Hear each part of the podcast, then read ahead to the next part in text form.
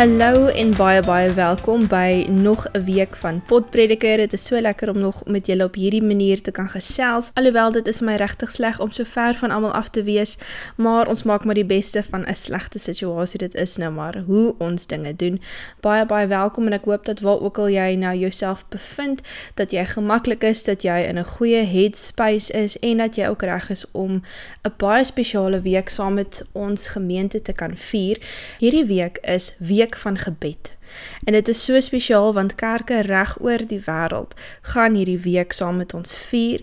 Vanjaar se tema is bly in my liefde en jy sal baie vrug dra. En die teks is Johannes 15 vers 1 tot 17. En dis ook 'n gedeelte wat ons vandag gaan hanteer, maar ons gaan dit so klein bietjie saamsit met die leesrooster teks wat nogals verbasend baie goed daarbey pas. Maar voordat ons met daardie goeters begin, laat ons net gou al die formaliteite uit die weg uitkry.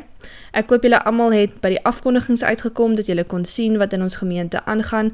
Ons voorbereidinglys is nog daar en daar gaan ook 'n paar reëlings wees vir die week van gebed. So hou asseblief jou oë daarop. Dit gaan op ons Facebookblad wees. Jy gaan dit by jou ouderling of diaken kan kry op 'n paar ander WhatsApp groepe. Jy kan dit op Spotify kry, Apple Podcasts, Google Podcasts, net waar jy na jou podcasts luister. En if all else fails, kontak vir my en ek sal 'n plan maak om die skakel by julle uit te kry.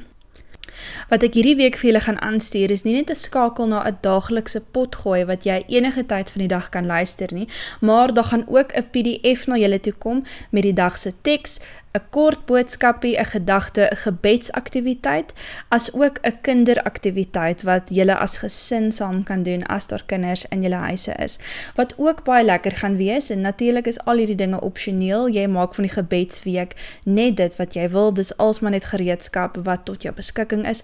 Wat baie lekker daarvan is, is jy het ook die geleentheid om 'n gebedsstasie te bou.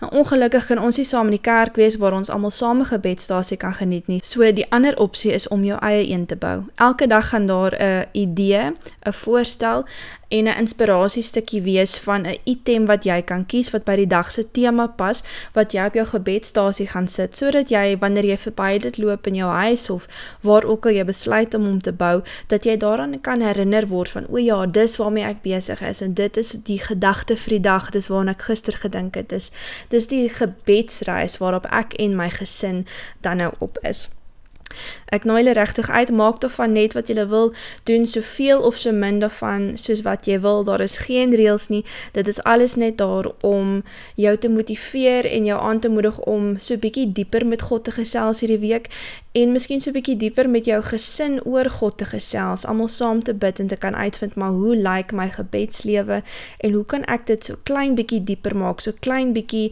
verryk in hierdie week.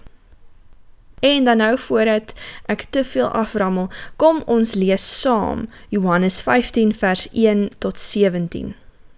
Die ware wingerdstok. Ek is die ware wingerdstok en my Vader is die boer. Elke loot aan my wat nie vrugte dra nie, sny hy af. Maar elkeen wat vrugte dra, snoei hy reg sodat dit nog meer vrugte kan dra. Julle is alreeds reg gesnoei deur die woorde wat ek vir julle gesê het. Julle moet in my bly en ek in julle. 'n Loot kan nie uit sy eie vrugte dra as hy nie aan die wingerdstok bly nie, en so julle ook nie as julle nie in my bly nie. Ek is die wingerdstok, julle die lote. Wie in my bly en ek in hom, dra baie vrugte, want sonder my kan julle niks doen nie. As iemand nie in my bly nie, word hy weggegooi soos 'n loot en hy verdroog. Die mense maak sulke lote bymekaar en gooi dit in die vuur en dit verbrand. As julle in my bly en my woorde in julle, vra dan net wat julle wil hê en julle sal dit kry. My Vader word juis daardeur verheerlik dat julle baie vrugte dra en my disippels is. Soos die Vader my liefhet, het ek julle ook lief. Julle moet in my liefde bly. As julle my opdragte uitvoer, sal julle in my liefde bly, net soos ek die opdragte van my Vader uitvoer en in sy liefde bly. Dit sê ek vir julle sodat my blydskap in julle kan wees en julle blydskap volkome kan wees. Dit is my opdrag. Julle moet mekaar lief hê soos ek julle liefhet. Niemand het groter liefde as dit nie, dat hy sy lewe vir sy vriende aflê. Julle is my vriende as julle doen wat ek julle beveel. Ek noem julle nie meer ondergeskiktes nie, want 'n ondergeskikte weet nie wat sy baas doen nie. Nee, ek noem julle vriende, omdat ek alles wat ek van my Vader gehoor het aan julle bekend gemaak het. Julle het my nie gekies nie, maar ek het julle uitgekies en julle aangestel om uit te gaan en vrugte te dra, vrugte wat sal hou. So sal die Vader aan julle gee wat julle ook al in my naam vra. Dit beveel ek julle. Julle moet mekaar lief hê. Tot sover. Om in God te bly is om met jouself versoen te wees. Soos die Vader my liefhet, het ek julle ook lief. Julle moet in my liefde bly. As julle my opdragte uitvoer, sal julle in my liefde bly, net soos ek die opdragte van my Vader uitvoer en in sy liefde bly, sê vers 9 en 10.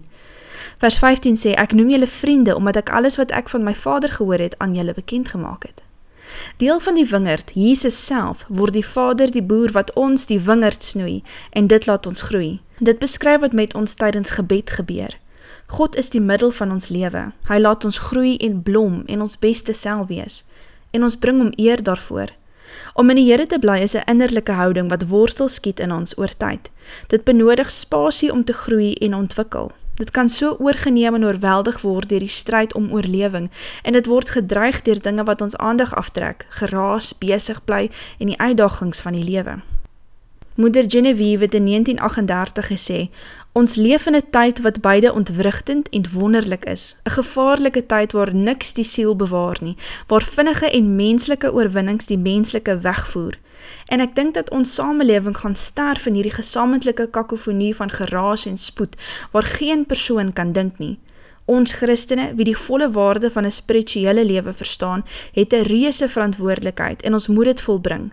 Ons moet versoen en mekaar help om ruimtes vir kalmte, toevlugting, vrede, lewensbelangrike ruimtes waar die stilte van mense die skepende woord van God aanroep. Dit is 'n saak om lewe en dood.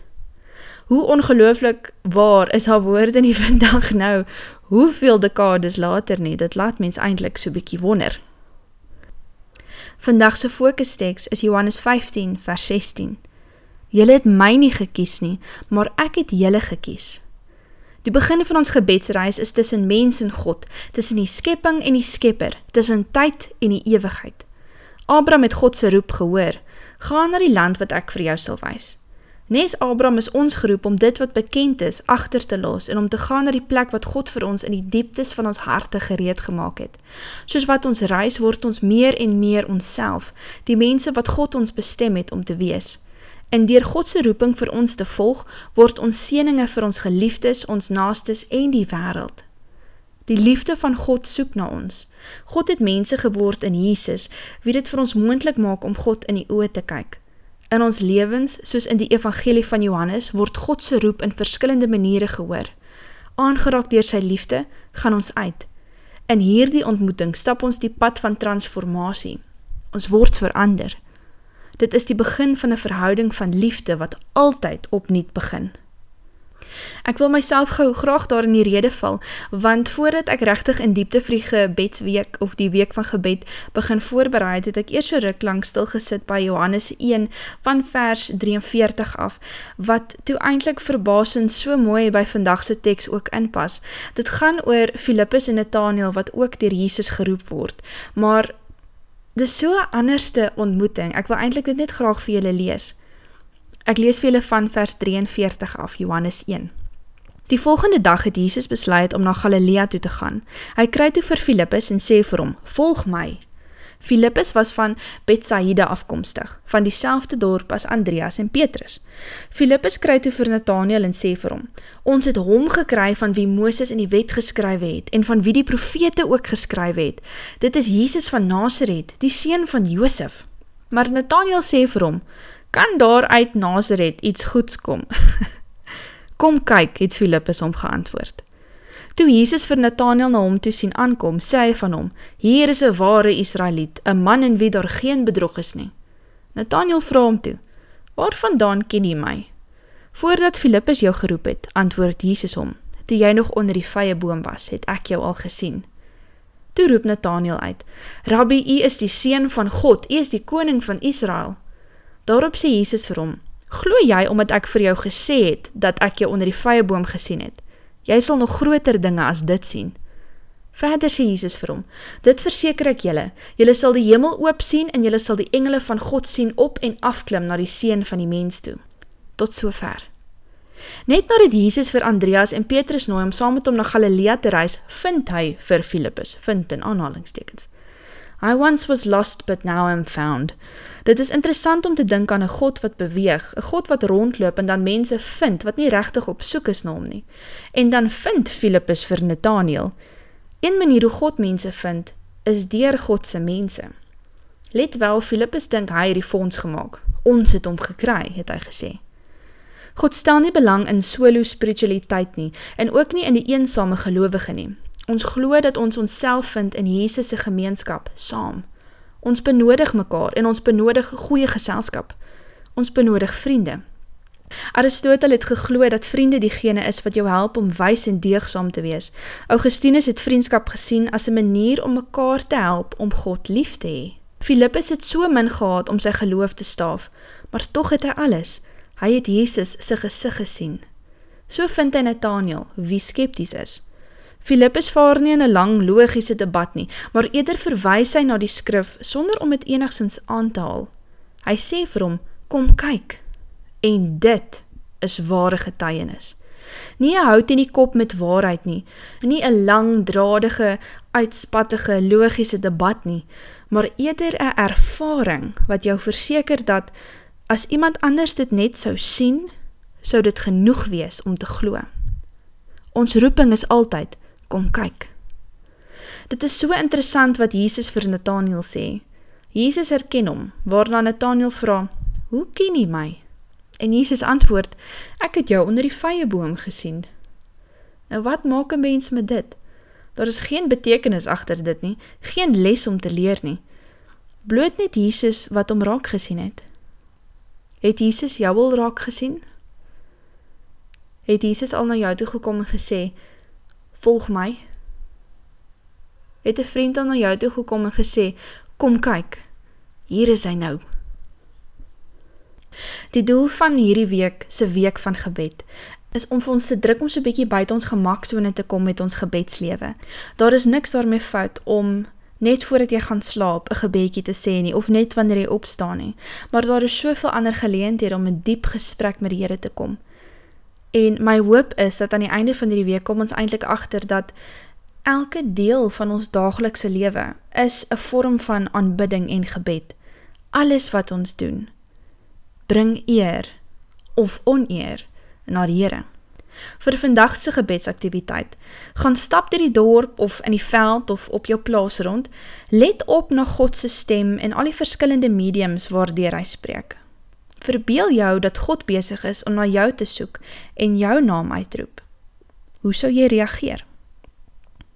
Vir vandag se item wat jy kan gebruik om jou gebedstasie te bou, kan jy een van die volgende kies of gebruik hulle maar net bloot as inspirasie. 'n Klokkie, 'n opgerolde papier in die vorm van 'n luidspreker, 'n telefoon, 'n vy vir die vyeboom. En nou vir die kinders.